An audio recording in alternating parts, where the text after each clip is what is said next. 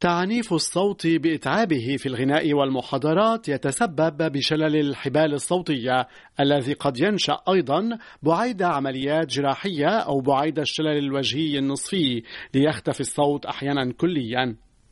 أما في سرطان الحنجرة الذي يستدعي الاستئصال الكامل للأحبال الصوتية وما حولها يحرم كثيرون من إمكانية التواصل الكلامي اللفظي المباشر ويتخذون من الرسائل الهاتفية ولغات الإشارة سبيلا للتفاعل مع الآخرين. بمناسبة اليوم العالمي لحماية الصوت الذي يصادف اليوم في السادس عشر من نيسان أبريل أستضيف الدكتور هشام ظاهر الاختصاصي في أمراض وجراحة الأذن والأنف والحنجرة. دكتور هشام ظاهر متى يكون اختفاء الصوت دلالة على أن ورما خبيثا هو السبب في ذلك؟ اختفاء الصوت عادة يبدأ ببحة في الصوت وكل تغير في نبرات الصوت أو نوعية الصوت يدوم أكثر من 15 يوم بحاجة إلى إجراء فحص عند طبيب اختصاصي الأنف والأذن والحنجرة ويحتاج إلى فحوصات ضرورية منها التنظير fibroscopie أو سكانر في حال وجد تورم بأوتار الصوت أو حواليها.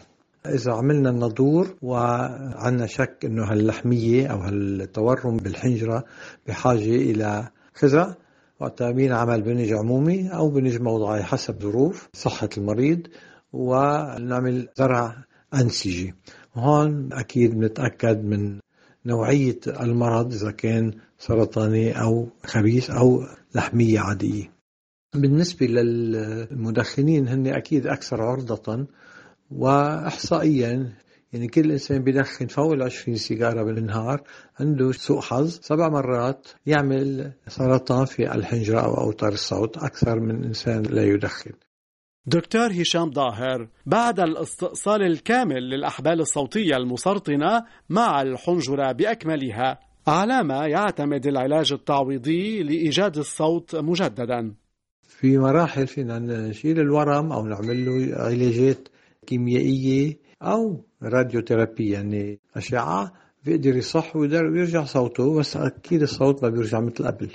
أما عندما المرض بيتفشى بكل الحنجرة وبيضرب الوترين وبنجبر نستأصل الحنجرة كلها بهدف نخلص حياة المريض وقتها الصوت بيروح كليا ونستعيد عنه بزرع آلة في الحنجرة.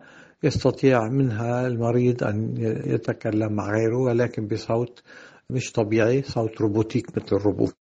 في الختام أشكر الدكتور هشام ظاهر مشددا على أن الصوت أغلى أداة للتعبير فحافظوا على الحنجرة من السرطان.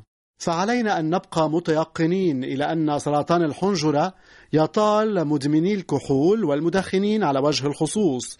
وأيضا يطال الناشطين الجنسيين الذين عانوا على مدار سنوات طويلة من التهابات فيروس الورم الحليمي بابيلوما فيروس المتنقل من إنسان إلى إنسان آخر عبر الجنس الفموي وعبر تعدد الشركاء الجنسيين.